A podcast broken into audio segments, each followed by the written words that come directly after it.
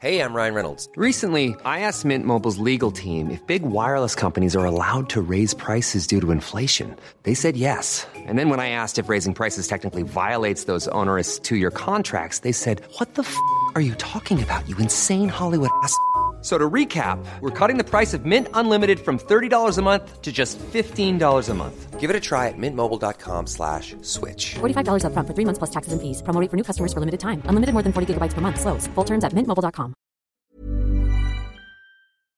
Hjärtligt välkomna hit till Högsbo bibliotek. Vad otroligt strävsamt av er att ni trotsade vädret. Men det är ju Göteborgsväder och Göteborgs föreläsning, så då är det bara att ställa upp ju. Eh, idag har vi ju då ett, vad man skulle kunna kalla för ett uruppförande. Jag tror faktiskt aldrig att vi har haft podd på biblioteket. Eh, så jag tänker att eh, jag lämnar över ordet till Göteborgs gator och torg.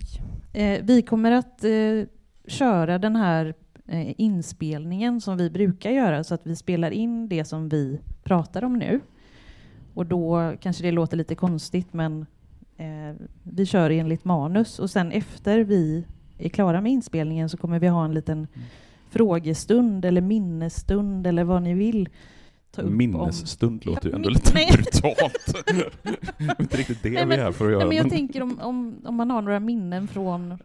ja, jag, jag, förstod, jag förstod faktiskt vad du menar Malin, men jag tyckte bara att jag, vill, jag ville hugga på den ändå. Lite begrava torget. Var det något mer vi skulle säga innan? Nej, vi kör tycker jag. Ja, det gör vi.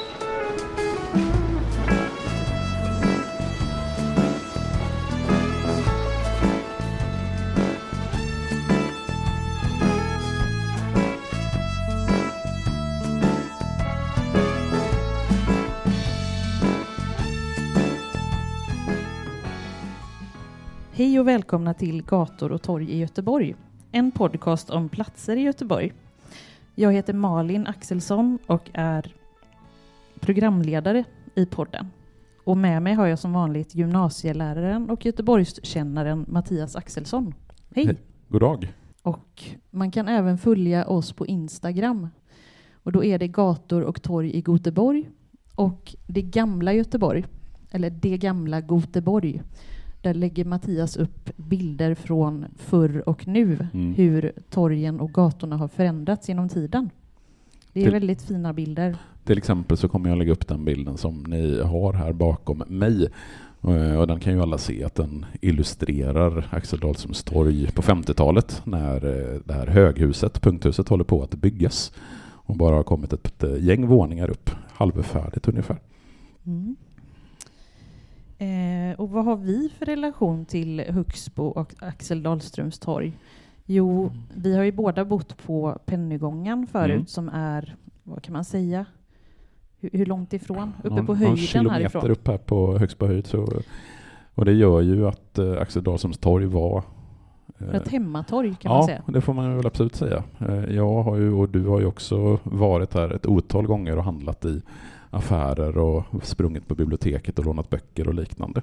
Utfört ärenden. Och, Eh, Ja, ja. Så det är ju för, var ju historiskt vårat eh, lokala torg. Eh, sen så numera bor vi på Frölunda torg så att då blir ju Axel Dahlströms torg inte eh, det nära torget för oss längre utan då är ju Frölunda torg.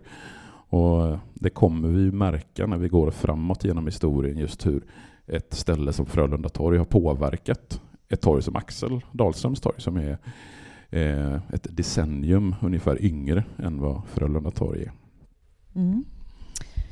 Men vi kanske ska börja då med den första sliden. Mm. Eh, och då ska vi gå tillbaka riktigt långt i tiden, ända till inlandsisen. Ja, alltså det är en historisk podd och då ska man gå ordentligt långt tillbaka i tiden tycker jag. Och då tänker jag att inlandsisen, när den drar sig tillbaka, det är ju som en lämplig startpunkt om man ska göra historien om Axel Dahlströms torg. Eh, Jag tänker att du jag förstår inte varför alla, visa, sk- varför alla skrattar när jag säger det. Det är ju helt obegripligt. Eh, om du visar lite vad, för när jag såg bilden första Mm. gången så förstod jag inte riktigt vad jag såg. jag är ju lärare så jag har ju en pekpinne.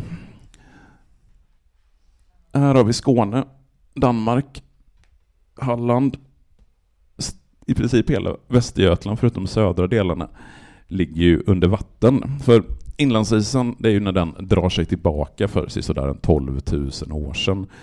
Det är då det börjar bli möjligt att överhuvudtaget bebo de här delarna av norra Europa, alltså Skandinavien. Och Det innebär också att när inlandsisen drar sig tillbaka så är ju vattennivån betydligt mycket högre än vad den är idag. Man har räknat med att vattennivån i de här områdena för 11-12 000 år sedan är 90 meter högre. Och det betyder ju att det som idag är Göteborg och det som idag är Frölunda och Högsbo, det var ju en skärgård. Det var ju bara de högsta topparna som överhuvudtaget stack upp ur vattnet. Och sen successivt när vi rullar historien framåt genom årtusendena så sjunker ju vattnet sakta tillbaka och fler och fler människor flyttar till de här områdena. Vi har lämningar i princip ifrån alla historiska epoker, forntida sådana. Man brukar dela in forntiden, alltså den historiska tid där vi inte har några skriftliga källor, i stenålder, bronsålder och järnålder. Och under stenåldern, eller från stenåldern, som ju är någonstans eh, 6-4 tusen eh, år sedan, så har vi boplatser i den här delen av Sverige, alltså på västkusten. Det finns stenåldersgravar inte alls långt härifrån i Änggårdsbergen till exempel. Och vi har neråt södra Frölunda och Askim också exempel på både stenåldersgravar och bronsåldersboplatser och järnålderslämningar. För det här är ju givetvis en attraktiv plats att bo på för människor eftersom det ligger så nära kusten. För människor under forntiden, det var ju inte bara jordbrukare, även om det var den huvudsakliga försörjningen för de allra flesta, det vill säga att man bedrev jordbruk, så är en minst lika viktig del av människors vardag det här att man fiskar. För fiske är en jättebra källa till eh, energi och till näring och då har man det som eh, ett Eh, att alternativ eh, till jordbruket. För jordbruket är ju väldigt svajigt. Blir det dåliga, en, en dålig skörd ett år så blir det tomt i ladorna och då blir det hungersnöd och svält. Så då är det inte så jättedåligt att kunna komplettera det med, med fisket. Så från stenålder, från bronsålder och från järnålder så har vi lämningar i de här delarna av eh, Göteborg och på västkusten. Mm. Och då hoppar vi fram till medeltiden och socknar. Mm. Och den här indelningen, den här kartan, eh, det är en karta som jag ofta använder mig av när jag pratar om Göteborgs historia i allmänhet och olika platser i Göteborg i synnerhet. För med medeltiden, och då backar vi tillbaks till ja, 1000-1100-talet ungefär, då kommer också en ny indelning geografiskt av landskapet. För med den medeltida eh, indelningen eh, så får vi socknar. Och en socken, det som socknarna har gemensamt, det är att man då söker sig till samma kyrka. Och socknarna är i sin tur indelat i härader och eh, i socknarna i sin tur så ligger det ett antal olika byar. Och den här kartan den visar då Askims härad. Och i Askims härad, och där har vi belägg faktiskt från 1200-talet i den äldre västgötalagen. Då står det om att det ska finnas fem kyrkor i Askims härad. Och varje kyrka är då knutet till en socken. Och då har vi Frölunda socken, eller Västra Frölunda socken för att skilja det från Östra Frölunda. Vi har Askims socken, vi har Fässbergs socken, vi har Kållereds socken och vi har Råda socken. Det är de fem socknar som under 1200-talet ingår i Askims härad. Och sen ser ni också att Styrsö är utsatt som en eh, socken. Eh, det blir en egen socken på 1600-talet Tidigare så tillhörde Styrsö socken Frölunda socken. Och sen norr om på Hissingen så har vi östra Hissingens härad där Tuve och Lundby socknar ingår. Och det här är ju viktigt eftersom det är från 1200-talet ungefär som den här delen av västkusten blir svenskt. För innan dess så var ju allt söder om danskt och allt norr om var norskt. Men någon gång i mitten på 1200-talet så kommer den svenska eh, eh, Birger Jarl överens med den norska kungen och den danska kungen om att man ska dela upp den här delen av västkusten så att Sverige får kontroll över Göta älv. Och det här blir ju jätteviktigt just för att genom att få kontroll över Göta älv så får också Sverige kontroll över den här lilla remsan land och den här lilla vattenströmmen ut i Västerhavet. Så för istället för att resa med båtarna genom Öresund och betala Öresundstull till danskarna så kan svenskarna då passera genom Göta älv ut i Västerhavet. Och genom att Sverige då får det här området på 1200-talet så blir också det här ett väldigt konfliktfyllt område. Eftersom danskarna, som då kommer söderifrån, allting Halland och neråt är ju danskt fram till 1658. Och eh, i princip resten av Hisingen och norrut i Bohuslän blir ju då norskt, vilket gör att det här är ständigt en plats för konflikter. Men indelningen under medeltiden, det är att Askims härad har fem socknar, där Västra Frölunda är en av de socknarna. Men om vi, mitt i all, allt det här, vad har vi liksom Högsbo då? Vad händer här?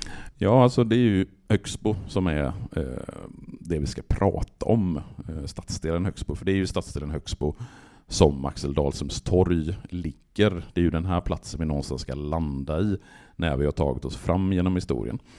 Och Det finns ju jättemycket bra kartor på nätet som jag ska lägga upp på vårt Instagram-konto. Eh, Just den här är ju lite svår eh, att se. Är inte den här självklar att se vad det är för någonting? Kanske bara jag som inte ser riktigt. Är det någon som kan gissa vad det här är för någonting? Det är ingen som vågar nu, när ni vet att vi spelar in. Det här är alltså Frölunda socken, som ni har här. Där uppe är Saltholmen. Här uppe är gränsen till eh, Frölunda borg och Marklandsgatan. Där är Änggårdsbergen. Den vägen som går här, den går ungefär där Dag Hammarskjöldsleden går idag. Och sen här har vi Fiskebäck, Önnered, Tynnered. Här ungefär ligger Frölunda torg. Och din fråga var ju var kommer Högsbo in i allt det här? Jo, Högsbo kommer in där. Där ligger Högsbo. För Högsbo är ju då en by i Frölunda socken. Och vi var ute och åkte bil igår så skulle jag försöka visa dig var eh, Högsbo låg någonstans. Kommer du ihåg var, eh, var Högsbo låg någonstans? Nu är det helt blankt. eh, det ligger då alltså i eh, Högsbo industriområde. Man måste alltså gå till andra sidan om Dag Hammarskjöldsleden för att hitta där Högsbo by låg tidigare. Och ni vet vad Sikvallen, alltså den fotbollsplan som ligger i Högsbo, precis mitt emot eh, Pågens, precis där låg Högsbo by. Just det, nu, nu ser det ut som en eh, rivningstomt bara, där man har bara gått fram med en bulldozer mm. i princip. Ja, det finns ju inga lämningar av den gamla byn. Eh, och vi har belägg från 1500-talet att det har funnits en by som har hetat Högsbo. Och Högsbo kommer då från Högsbo, att eh, det fanns en person som hette Hök som har gett namn till den här boplatsen. Det har ingenting med att det har legat på någon höjd eller motsvarande att det är hög i den meningen, utan det är Högsbo. Och precis som jag sa innan så är ju Högsbo del av Frölunda socken, vilket gör att det blir en del av den här gränstrakten som från 1200-talet till 1658 är ständigt utsatt för danska attacker och norska attacker norrifrån. Vi har ju till exempel Nordiska sjuårskriget på 1560-talet då danskarna ockuperar Älvsborg och Sverige får betala Älvsborgs första lösen för att få tillbaka Askims härad och häraderna runt omkring. Vi har Kalmarkriget på 1610-talet som slutar med freden i Knäred 1613 då Sverige får betala Älvsborgs andra lösen på en miljon riksdaler. Och det lyckas då Sverige genom att man skramlar från lägsta bonde faktiskt hela vägen upp till hovet. Så samlar man ihop de här en miljon riksdalerna och lyckas i fyra avbetalningar betala Älvsborgs andra lösen. Och 1619 så är det här lösenet betalt till danskarna. Och Sverige får tillbaka Askims härad och eh, Östra Hisingens härad och häraderna runt omkring. Vilket gör att kung Gustav II Adolf kan eh, resa till Älvsborgs slott, klättra upp på Otterhällan, peka ner på sam, sunk, sam, det? sumpmarken nedanför och säga här ska staden ligga. För det är ju då Göteborg grundas 1621. Den 4 juni så får Göteborg sina stadsprivilegier. Sen 1658 så inträffar ju freden i Roskilde eh, efter eh, eh Karl X Gustavs första danska krig. Och i och med freden i Roskilde 1658 så får ju Sverige kontroll över Halland, Blekinge och Skåne och även hela Bohuslän, vilket gör att efter 1658 så är ju Frölunda socken och Högsbo by inte längre gränstrakter, vilket gör att det under 1600-1700-talet blir mer fredligt i den här delen av Sverige. Men ändå så är det en hel del slitningar. Det är inte så att byarna krigar med varandra. Men det har beskrivits som slitsamt mellan... Vilka byar är det som det är slitningar mellan? Ja, det är dels Högsbo by då, och sen är det Bua Sörgård och Frölunda Mellangård. Och den här kartan den är från eh, Lantmäteriet. Lantmäteriet har skitbra historiska kartor. Och det här är från skifte, det är en av skifteskartorna. Eh, jag kommer inte exakt ihåg vilket årtal som den här kartan är ifrån. Men när man ska göra storskifte, enskifte och laga skifte från 1700-talet och fram till början på 1800-talet. Det man gör då, det är ju att man slår ihop de gamla tegarna, alltså de här långsmala remsorna av jord, så att varje gård får mer sammanhållen mark. Och då vill ju varje gård givetvis ha den bästa marken. Så det är mycket det här som man på Högsbo gård, Bua Sörgård och Frölunda mellangård bråkar om. Och den här kartan, där ligger Högsbo by. Det är alltså här Sikvallen ligger ungefär. Här ligger Pågen, så den här vägen motsvarar då ungefär där Dag Hammarskjöldsleden går eh, idag. Och det finns från 1800-talet ganska mycket historiskt material, så vi vet ganska ganska ordentligt i detalj hur man hade det. Till exempel så finns det en beskrivning från 1847 att det i Högsbo by finns sex gårdar om 48 invånare, fyra hästar, 12 kor, 12 får och fyra svin. Så vi har liksom ner på detaljnivå från mitten på 1800-talet vad det var för människor och djur som levde i Högsbo by. Mm. Men området kring just det här torget som vi sitter på? Ja, då är vi där uppe, ungefär. Och det innebär om man tittar på den här kartan att det som idag är Axel Dahlströms torg och det som vi idag tänker oss som Högsbo, det var ju då utmarker till Högsbo by. Här fanns det egentligen ingenting av värde och vikt. Här fanns ingen, eh, ingen jordbruksmark, här finns inga åkrar, här fanns inga hus eller gårdar, utan här gick i bästa fall djuren från gårdarna och betade på utmarkerna. Eh, så det är ju egentligen först när vi kommer in på sent 18, tidigt 1900-tal som människor börjar att bosätta sig här. Varför börjar man bosätta sig här? Ja, alltså det är egentligen en ren stadsplaneringsåtgärd som gör att människor bosätter sig här i Högsbo. Och under slutet på 1800-talet och början på 1900-talet så har vi ju dels industrialisering i Sverige i allmänhet och Göteborg i synnerhet. Det växer fram mekaniska verkstäder i Göteborg, det växer fram fabriker och varv på Hisingen. Och i och med att det finns så pass mycket arbetstillfällen i Göteborg så flyttar det också in en massa människor till Göteborg. Och de här människorna ska ju ha någonstans att bo. Tyvärr, liksom idag, så finns det inte tillräckligt med bostäder för alla de människor som flyttar in, så vi får bostadsbrist. Vi får dessutom ganska låg kvalitet på de lägenheter som människor bor i. Det är låg standard. Så 1917 så bestämmer sig Göteborgs stad att i norra Frölunda stycka av ungefär 100 tomter som man sedan arrenderar ut till barnfamiljer. Och på de här tomterna så byggs det som kallas då för Högsbotorpen. Och Högsbotorpen finns det en fantastisk bra bok som finns att låna här på biblioteket. Jag tror säkert flera av er har sett den och läst den. Högsbotorpen berättar. En jättefin bok som nu har några år på nacken men som är väldigt väl dokumenterad. Det finns mycket fina fotografier. Det finns kartor där man kan se var de här torpen låg någonstans. Och tomterna som arrenderades ut, det var framförallt till barnfamiljer. Och det skulle vara skötsamma arbetare som skulle få de här tomterna.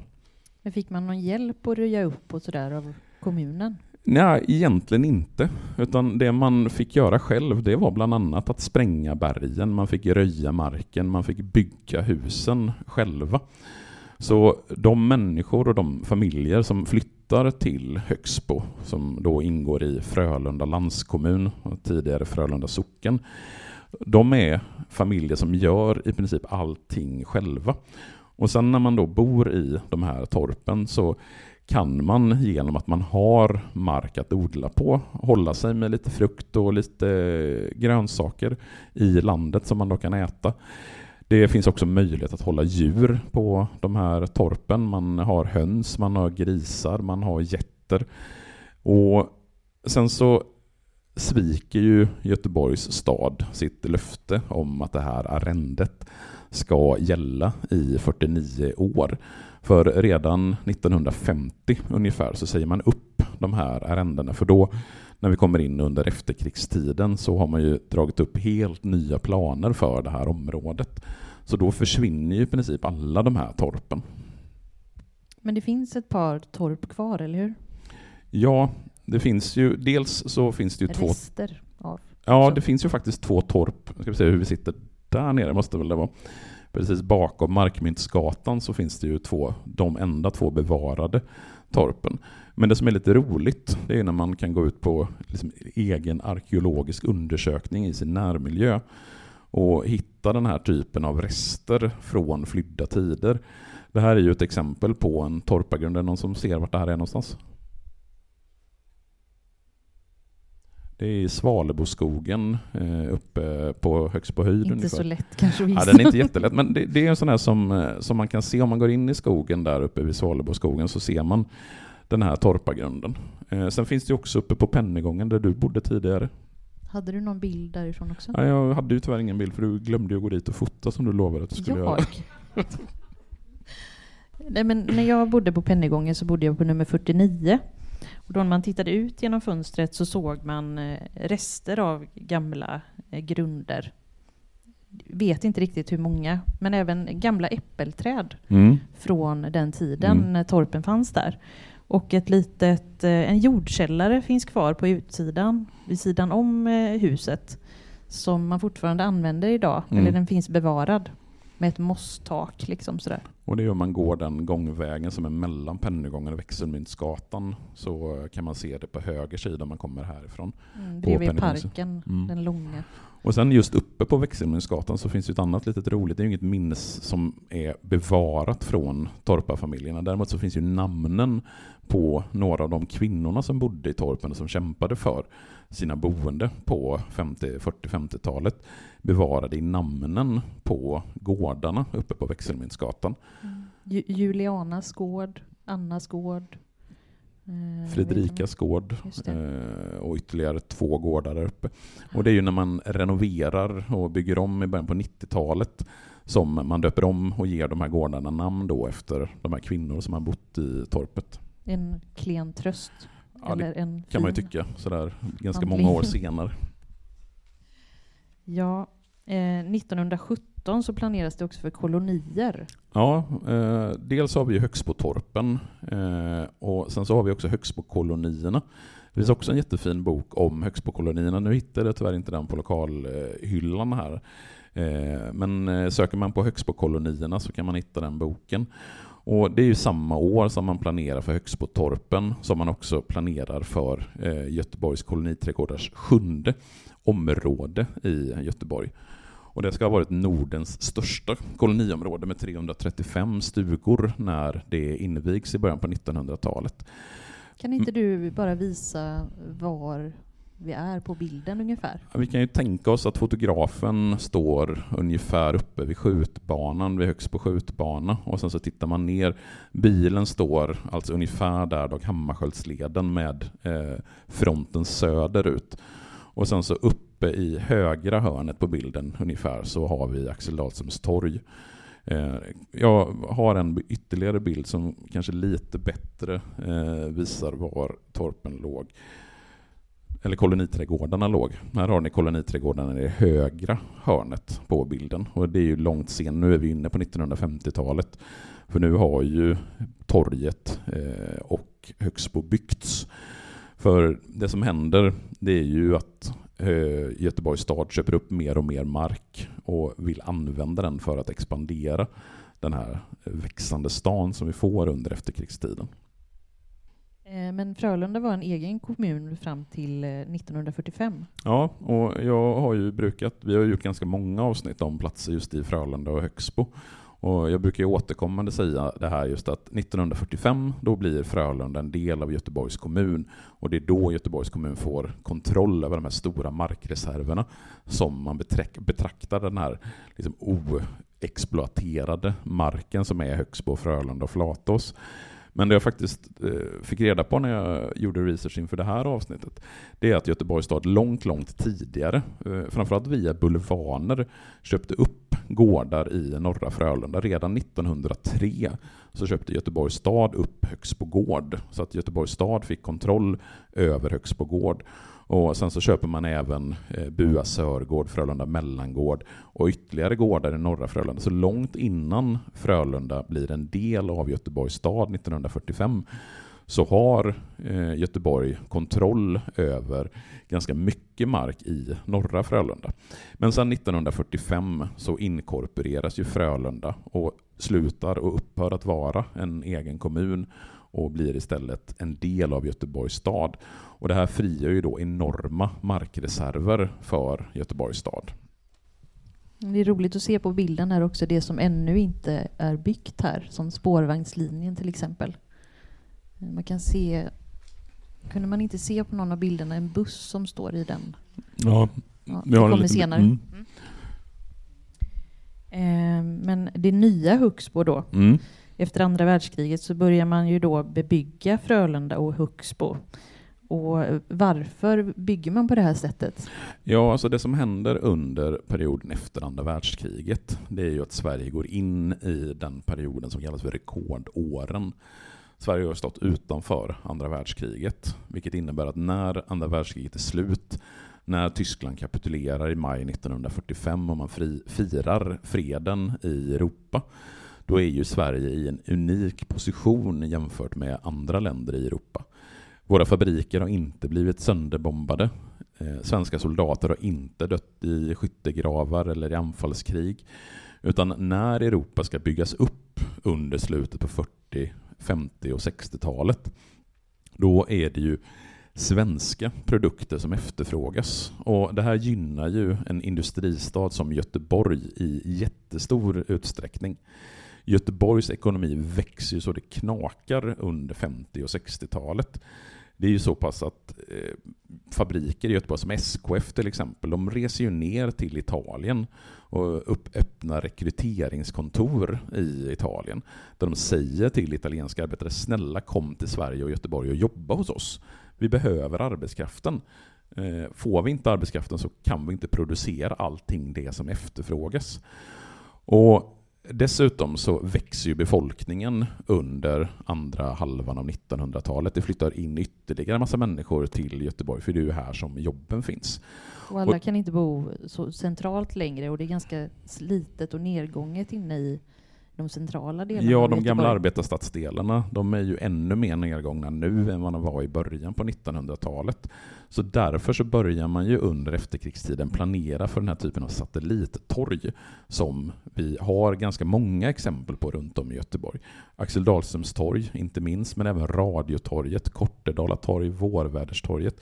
Det finns ju hur många exempel som helst på den här typen av satellittorg som man bygger på tidigare jordbruksmark.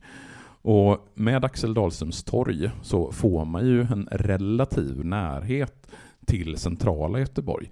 Även om det förmodligen upplevs som ganska långt bort när man bygger stadsdelen Högsbo på 1950-talet så är det ändå eh, betydligt mer centralt än vad man sen bygger till exempel Hammarkullen eller Angered eller för den delen Biskopsgården eller Länsmansgården.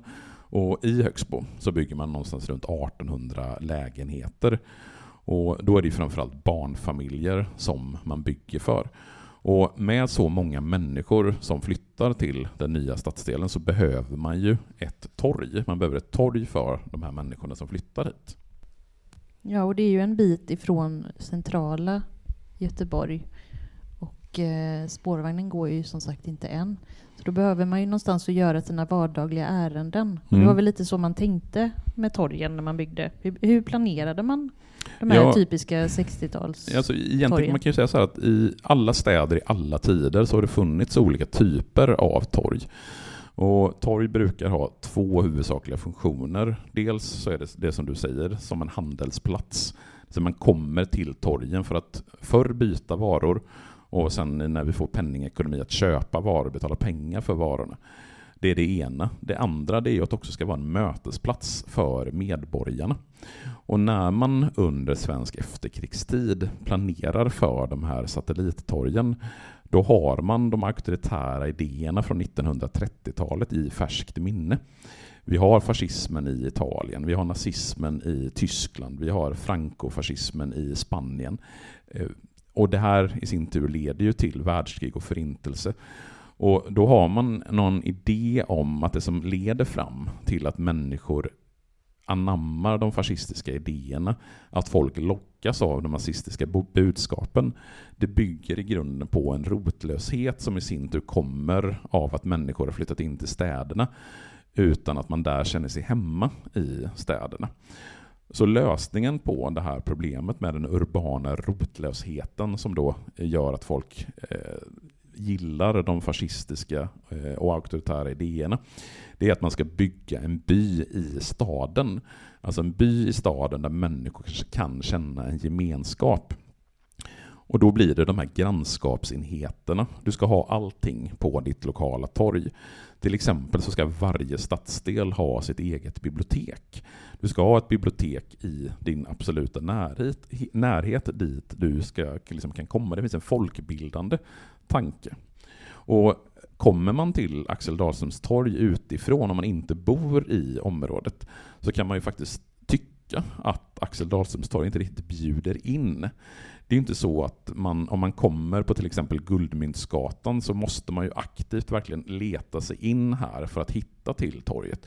Och på, samma sätt om man kommer med spårvagnen som ju inte ännu, precis som du sa, är byggd på den här bilden. Ja, men det är ju väldigt tydligt att torget är till för de som känner till det, som bor i närområdet. Mm. Inte att man ska åka till Axel Dahlströms torg inifrån centrala Göteborg och göra sina ärenden. Nej, alltså torget är väldigt tydligt. Det är som ett torg för de som bor i närområdet.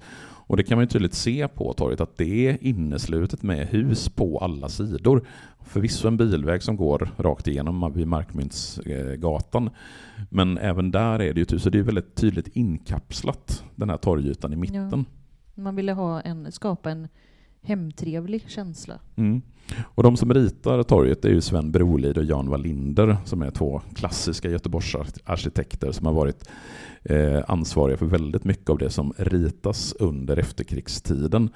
Och Brolid och Wallinder, deras sätt att se på arkitektur, det är ju att man har en väldigt hög social medvetenhet att det som byggs på torget och så som det ritas ska fylla en funktion. Man ska inte ha massa ornament och utsmyckningar bara för sakens skull. Utan det som byggs, det ska fylla en funktion, det ska vara till för medborgarna, det ska vara till för de som bor där. Eh, och sen så finns det också under efterkrigstiden en idé om att man ska bygga bort snusket. Alltså Vad de här, menar man då? Ja, men de här gamla, snuskiga, sketna små lägenheterna som finns i de gamla arbetarstadsdelarna. Det ska bort och det är det som i sen i sin tur leder till de här citysaneringarna i bland annat Masthugget, i Landala, i Annedal och på andra platser. Du vet vad jag tycker om det? Eh, jag vet vad de flesta tycker om det. Mm. Men tillbaka till Axel Dahlströms torg. Här har vi Axel Dahlström. Ja, Eh, vem är han? Ja vem var eh, han? Alltså pratar vi om Axel Dahlströms torg så måste vi ju nämna eh, Axel Dahlström. Och Axel Dahlström han var en stenhuggare eller stenarbetare från Bohuslän, född sent 1800-tal. Eh, han flyttade till Göteborg, blev socialdemokratisk politiker, satt i Göteborgs stadsfullmäktige.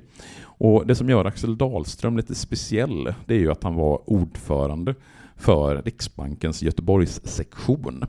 Och man tror att det är därför som alla gatorna runt omkring Axel Dahlströms torg har fått namn efter olika myntslag. Vi har Guldmyntsgatan, vi har Dollargatan, vi har Markmyntsgatan, vi har även Rubelgatan och Sterlinggatan, Pennygången Ja. till exempel. Och vill man veta mer om just gatunamn så kan jag tipsa om en annan bok som heter just Göteborgs gatunamn eh, som går igenom historien bakom i princip alla gatunamn i Göteborg. En väldigt trevlig liten bok. Men Axel Dahlström, han lever då fram till 1947, eh, så han får ju inte uppleva när torget invigs ungefär tio år efter hans död. Tråkigt. Men det var en vision. Verkligen.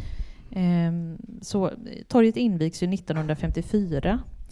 Vad fanns det då för verksamheter på torget? Jo, du har tagit fram en liten, eh, Det är en annons från, eller många annonser. ja, det är många annonser tillsammans Trevliga annonser. från 1954. Och här kan man då se vilket, eh, vilken mångfald Ja. det fanns av eh, Fantastiskt butiker. utbud för husmödrar till exempel. Gå till Berntssons affär. Där, där får ni de bästa varorna till de lägsta priserna. Fisk, frukt, grönsaker, konserver, blommor, fiskaffär. Mm.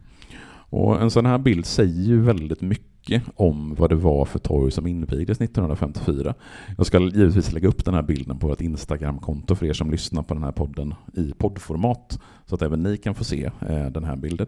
Men det som är lite intressant, eh, förutom mångfalden av verksamheter, att det fanns så jättemånga eh, verksamheter, det är ju att det är inte en slump. För när torget byggs och när torget planeras så reglerar man vilken typ av verksamheter som ska få finnas på torget. Det är inte så att marknaden någonstans här får bestämma. Det är inte så att den som har mest pengar får köpa sig en butiksyta på Axel Danielssons torg. Utan när man bygger torget så tänker man just där, ja, men det ska finnas den service som de boende kring torget vill ha. Det ska finnas fiskaffär, det ska finnas klädaffär, det ska finnas en kemtvätt, det ska finnas ett livs, det ska finnas en frisör, det ska finnas alla de typer av affärer som vi kan se här. Och sen förutom eh, då alla de här affärerna så finns ju givetvis Medborgarhuset med sitt bibliotek med sina samlingssalar. Alltså det huset som vi sitter i idag som kallas för Axelhuset. Det var från 1954 den här annonsbilden. Yes, alltså från när torget invigs. Och man bygger ju även bostadshus på torget. Eh, som två stycken. Och ICA-huset, den är ju lite speciell Ja, alltså fasaden ja, tittar man på fasaden på ICA-huset, det här är ju en originalritning där borta. Just det. Eh, man ska aldrig peka så, för då snurrar man alltid till sig var man befinner sig. Nej, men det här är en, en originalritning från när huset ska byggas. Eh, och det som är lite speciellt med det här huset är att tittar man väldigt snabbt på det så känns det som att fönstren sitter väldigt oregelbundet, att det, man får liksom ingen ordning på det. Och det beror ju på att lägenheterna i det här huset är etagelägenheter och att det går korridorer genom huset på våning 2, 4 och 6. Och eftersom man då inte ville bryta bottenvåningens utbud av massa olika butiker så valde man att ta ingångarna i det här huset på sidorna istället. Så det här att man vid en första anblick tycker att det är väldigt rörigt. Tittar man mer noggrant och förstår hur man har tänkt så finns det en väldigt tydlig symmetri i det här huset. Och det som gör det här huset och även de andra husen runt omkring eh, speciellt det är ju att man hela tiden jobbar med att det ska finnas verksamheter i bottenplan. Och när torget invigs 1954 så finns det inte mindre än sex olika typer av verksamheter. Idag har ju ICA tagit över hela bottenvåningen. Det här kortet är dock inte från 1954. Jag har inte hittat något exakt årtal, men tittar man på hur människor är klädda på bilden så skulle jag gissa att Lite kortet... svårt. Jag skulle säga att det är ett tag, med en ni- ni- skinnjacka 90-tal, där som har sent med 80, rock. tidigt 90-tal, någonstans där. Om det är någon som vet exakt när tobak och eh, frukt samt den här fotoaffären fanns så får ni gärna säga det sen, eh, sen efteråt.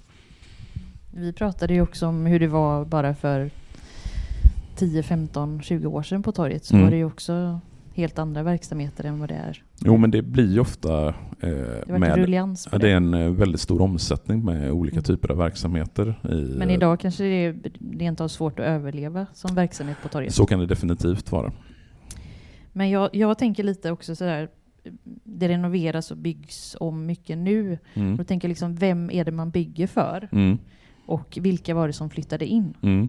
Nej, men alltså det är lite spännande, för när man tänker på hur det byggs idag, alltså det som byggs nytt idag, då är det ju oftast väldigt, väldigt höga hyror. Det är väldigt höga priser om du ska köpa dig dina lägenheter. Men det som är väldigt tydligt när man tittar på visionerna och planerna för Axel Dahlströms torg, det är att man bygger det för vanligt folk. Alltså man bygger de här lägenheterna för arbetarfamiljer. Man bygger för de människor som ska kunna flytta från till exempel Masthugget eller Landala eller Annedal. Och det finns en fantastisk liten film som kom för ganska många år sedan som handlar om bland annat de första som flyttar in i de nybyggda lägenheterna i Högsbo. Och det är så himla fint, den titeln på den filmen det är Det var som att komma till himlen. Och det är då ett citat från en av kvinnorna i eh, filmen, eller om det är någon, jag kommer inte ihåg om det är en av kvinnorna eller männen i filmen som säger det. Att när vi flyttade in i de här ljusa lägenheterna med rinnande vatten, med badkar, med liksom fönster åt alla håll, med balkong, ja men det var som att komma till himlen. Det var så man upplevde när man flyttade in i de här lägenheterna. Mm. Man kanske kom från dass på gården i Ja, nej men precis. eller- ja.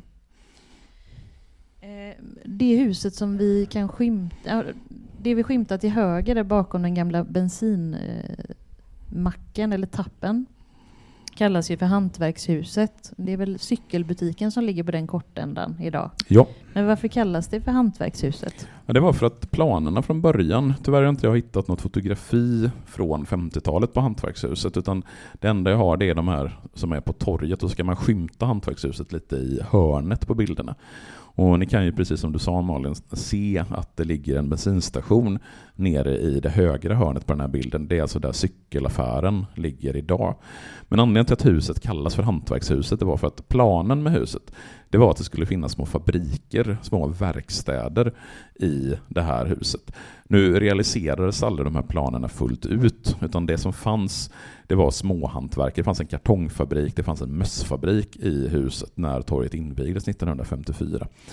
Och sen så har det precis som i övriga butikslokaler varit en väldigt stor variation på vad det har varit för verksamhet. Det har funnits en kemtvätt, det har funnits en tv och radiobutik, det har funnits en, eh, en bilskola. Nu finns, ligger ju folktandvården i bottenplan, det ligger en sushi-restaurang. Det lite kommunala verksamhet som daglig verksamhet finns också i torget. Ja, men det är också... Eller i Hantverkshuset. Men det märker man ju, alltså kommer man hit och jag är inte här jätteofta nu eftersom jag inte bor här, men man märker ju att även i, här så ändras ju verksamheterna eh, titt som tätt. Det flyttar ut en butik och så flyttar in någon annan typ av verksamhet i eh, lokalen. Undrar vilken verksamhet som har håll- hållit igång längst på torget. Ja, det hoppas jag att Kanske någon, någon någon, i det också. publiken har koll på det. Och mitt på torget så har vi ett riktigt eh, landmärke. Mm. Eh, det är 16 våningar höga huset. Ja, det Vad var, är detta för något? Eh, Det räknades ju som, och här, det är alltid så svårt när man ska säga att ja, men det här var Sveriges högsta hus när det Man byggdes. vet inte riktigt källan där. Det va? finns till och med de som påstår att det var norra Europas högsta hus när, när det byggdes. Eh, sen är det alltid där, eh, man kan alltid säga att någonting är norra Europa, för vad är norra Europa? Vi kan ju säga att norra Europa, det, norra Europa det går från Halland och uppåt. Det är norra Europa. Eller ska vi ta Tyskland? Eh, jag har läst någonstans att det ska ha varit norra Europas högsta hus när det byggdes, men jag kommer inte ta gift på det påståendet, så kan jag säga. Mm. Men det är lite speciellt också att man sätter det i mitten av torget och eh, sättet det är byggt på Mm. är ju speciellt. Ja, dels det här att eh, när vi skulle parkera bilen så var det ganska skönt att det, var, att det är en öppen konstruktion under huset, så man kan springa in under huset och skydda sig samtidigt som man betalar parkeringsavgiften. Det var Eh, det de tänkte när de byggde? Ja, det var, ja, precis. Att du inte skulle bli blöt i håret. Fem, Eh, hur många år senare? 70 år senare. Två år senare. Eh, nej, men när man bygger det här huset som då antingen är 15 eller 16 våningar, det är väldigt olika uppgifter på olika sidor. Tittar man på port, porttelefonen så står det 15 våningen, men det finns på eh, husets hemsida, alltså de, eh, när man kan söka lägenhet, så då står det att det är 16 våningar. Så det är väldigt olika. Det beror nog lite grann om man räknar först översta plan som en eller två våningar. Eh, men när man bygger det här huset så finns det ganska storslagna planer. Bland annat så hade man tänkt att det skulle finnas en restaurang i huset. Jättesynd att inte det blev av. Tänk om det hade blivit så som Ingen fin takterrass. jag tänker som det hade blivit som draken. Man hade liksom kunnat åka längst upp på 16 våningen och sitta där uppe och käka och så tittar man ut över hela Högsbo Frölunda. Det var fantastiskt. Då hade folk åkt till Axel Ja, då hade det kunnat bli en sån här punkt som man åker till, som en sightseeing-utsiktspunkt. Eh, nej men huset när det byggs, det finns ett fantastiskt citat från en tidning 1954, att huset ska bli ett torn för ungkarar och ungmör. Eh, direkt citat från tidningen Hyresgästen Det låter som en 1954. dejtingreklam eller något. Ja, du tänker att det var den tidens Tinder? Att man inte skulle bo ensam. Ja, just det. Som tänka dig de här, ens- de här 50 lägenheterna som är ett rum och kokvrå, att det springs en del i trappuppgången där mellan olika lägenheter. Nej, men alltså de som flyttar in i huset det är till exempel eh, sjuksköterskor, eh, mycket ensamstående. Och det är ju byggt på det sättet just för att merparten av lägenheten det är ett rum och kök. Men det fanns också två lägenheter på sju rum och kök. Ja. Och de ligger högst upp va? Ja, det är ju lite så här, det är för de, fi- det fina folket ska liksom bo längst upp. Det klassamhället, Eller de, sånt de i som längre ner har gift sig och skaffat familj får flytta upp. Ja, jag tror inte att de flyttar till sjurumslägenheten ändå. Nej, och sen ska det finnas ytterligare, kan det vara typ 25-26 tvårummare i, i det här huset. Och det är då färdigbyggt 1956, två år efter att torget invigs. Så det kan man väldigt tydligt se på det här fotografiet. Att torget är ju redan färdigt när man fortfarande håller på att bygga huset. Mm. Men då kommer vi till Axelhuset då. Här Mm. var en fin bild från, när är denna ifrån? Eh, Den här är från, säg 1960-talet någonstans. Jag har inget exakt årtal på den. Man måste ju säga att det nästan ser ut som det gör idag på många sätt. Ja, om du byter ut Konsum mot Pizzeria Viking Och så, ett gym och ett gym Ja. så har du i princip eh, huset som det, som det var när det byggdes. Och det var ju redan när det byggdes tänkt som ett medborgarhus. Och det som blir väldigt speciellt med det här huset är då bot, eh, bottenvåning. Där har man olika typer av kommersiella lokaler. En Konsumbutik som ju låg här fram till säg 2003, 2004, 2005 någonstans där, tidigt 00-tal. Jag vet att jag har handlat i Konsumbutiken när jag hade flyttat till Göteborg eh, sent 90, tidigt 00-tal. Och sen så på andra våningen så hade man redan från början tanken att det här ska vara ett hus för medborgarna. Här ska det finnas ett bibliotek, här ska det finnas samlingslokaler som människor ska kunna nyttja. Det har ju funnits en fritidsgård, funnits ett, eh, kanske till och med finns en öppen förskola fortfarande. Och det är ju rätt intressant att tänka sig och se hur man planerade och hur man tänkte när man byggde torg på 50-talet. Då var det helt naturligt att det ska finnas platser, att det ska finnas ytor som du inte behöver vara en betalande konsument för att få nyttja. Tittar du på hur man planerar och bygger stadsdelar idag, när man bygger nya stadsdelar. Visst, man, man pratar ju mycket om att det ska vara en levande stadsdel, men då är det i princip bara kommersiella ytor som du pratar om. Det ska finnas kaféer, det ska finnas restauranger. Men det är bara till för de som kan betala för sig. Det är till för de som är där för att de är Konsumenter. konsumenter, inte för att de är medborgare. Så det är ju centralt i för att, för att förstå varför torget utvecklas och varför torget blir som det blir. Det är ju att man har en väldigt tydlig medborgartanke när man hamnar eller när man bygger torget. Mm, tycker jag är fint. Eh, men om vi ska knyta ihop det lite då. Vad har hänt med torget eh, sedan 50-talet fram till idag? Kolla på min, Lite snabbt. kolla på min snygga effekt som jag har gjort nu. Ja. Så hoppar vi. Det är så här jag gör på det gamla Göteborg Instagram-kontot. Jag lägger gamla bilder på stan och sen så lägger jag nya bilder från samma plats. Nu, precis som du sa, så tittar man på den här bilden som då är från nutid så har det ju inte hänt så mycket med själva huset. Den här eh, marmorkonstverket eh, till vänster från eh, 1956 är ju fortfarande kvar. Biblioteket är ju fortfarande kvar. Medborgarhuset huset bytte namn till Axelhuset 1990. Men det som jag skulle säga är den största förändringen, förutom alla de butikerna som har flyttat eller bytts ut eller liknande, det är ju att när torget invigs på 50-talet, trots att man hade planer på en restaurang, så finns det ju inga matställen när torget invigs. Jag tänker att man inte har börjat leva på det sättet riktigt än. Nej, det, fann, det, var, det var inte naturligt att man gick ut och åt. Alltså när torget invigs 1954, det är, det är fortfarande under motbokstiden. Motboken, man äter väl hemma? Nej, men motboken avskaffas 1955. Du kan inte gå ut och äta och dricka som du vill. Starköl var inte tillåtet i Sverige förrän 1955. Så det är ju en helt annan typ av restaurangkultur vi har. Och den första matstället som eh, flyttar in på torget det är ett gatukök som flyttar in i Hantverkshuset på 1970-talet. Och sen där på sushin eh, ligger? Ja, ganska ungefär. precis där sushin ja. ligger eh, idag. Sen så får vi pizzeria på 90-talet eh, och då låg ju den precis till vänster om ICA. Och eh, pizzerian flyttar ju till eh, sin nuvarande placering 2009, sommaren. Eh, jag hittade nämligen ett fotografi när jag gick igenom mina gamla foton, så hittade jag ett foto där jag och mina barn sitter och äter pizza på det gamla pizzerian och då är det i maj 2009. Och sen hittade jag en bild på Google Maps från 2009, juli. Och då har pizzerian flyttat in i sina nya lokaler. Så jag kan nästan på eh, månaden säga när man flyttar pizzerian från ICA-huset till eh, sin nuvarande plats. Och sen så har vi ju thai-restaurangen och sushi-restaurangen på 2000-talet. Och det här visar ju väldigt tydligt hur matkulturen i Sverige förändrade sätter ju sin prägel även på Axel Dahlströms torg. Att idag har vi en pizzeria, vi har ett café, vi har ett sushiställe, vi har en thai-restaurang på det här torget. Och samma ser man ju på alla eh, liknande torg. Mm.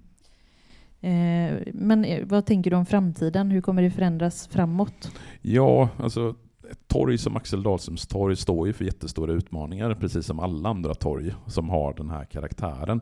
Som Radiotorget, eller Vårväderstorget, eller Chapmans torg, eller ja, vilket torg du nu än vill som inte är ett av de här stora torgen. För idag så har vi ju helt andra köpvanor än vad vi hade på 50-talet. Andra konkurrerande ställen att handla och sköta ärenden på, där man ta sig dit med bil lätt och så vidare. Ja, Där man, vi bor till exempel är ju en stor konkurrent. Ja, man åker till Frölunda torg, man behöver inte ens ta bilen. Det är ju ett antal spårvagnshållplatser bort så är du vid Frölunda torg. Och du kan åka till 421, du kan åka till Sisjön eh, och handla på Willys till exempel. Du handlar på nätet. Och det gör ju att det är svårt för mindre verksamheter på ett lokalt torg som Axel Dahlströms torg att fortsätta finnas. Sen så försöker man ju från stadens sida lösa det här och det är det man gör egentligen på alla platser. Man, man försöker bygga nytt. Man försöker liksom få in fler människor. Och det har man ju gjort i jättestor utsträckning, inte på själva torget, men runt själva torget. Gamla skolan till exempel, där har man byggt ett helt nytt bostadsområde. Eh, det ligger bredvid spårvagnshållplatsen har det smälts upp ett helt nytt hus. Ner i backen, eh, ner mot Marklandsgatan, så byggs det nya. Alltså det byggs ju hur mycket som helst nytt runt omkring. Och då menar man ju från stadens sida att det är det som behövs för att hålla ett sånt här torg levande. Det behövs människor som konsumerar. Återigen den här konsumenttanken. För att verksamheter på torget ska överleva så måste människor vara här och handla. Och för att människor ska vara här och handla så måste det finnas människor som bor här. Alltså, det är inte svårare än så egentligen. Ja, men vi har ju ändå Axelhuset kvar. Som, det här behöver man inte konsumera. Nej, och det är vi tacksamma för.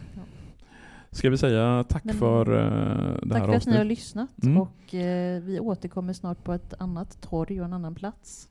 Uh, när gör vi det? Det gör vi den 24 oktober klockan 18. Då är vi på Första Långgatan. Poddar från Linnestans bibliotek.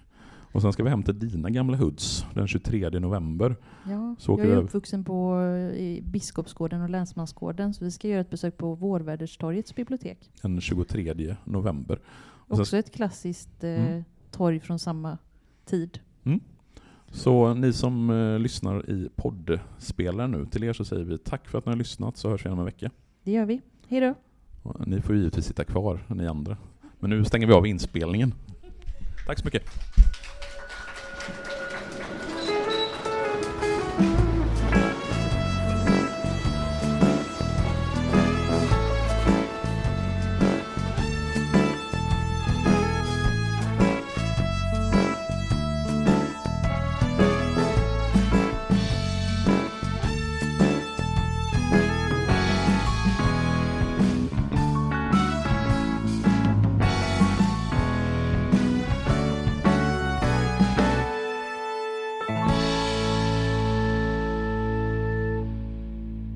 Gator och torg i Göteborg produceras av Reostat Media AB.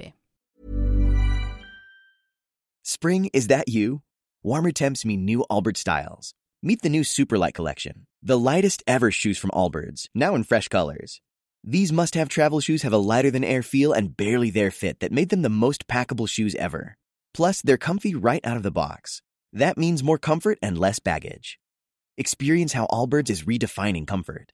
Visit allbirds.com and use code SUPER24 for a free pair of socks with a purchase of $48 or more. That's A L L B I R D S.com, code SUPER24.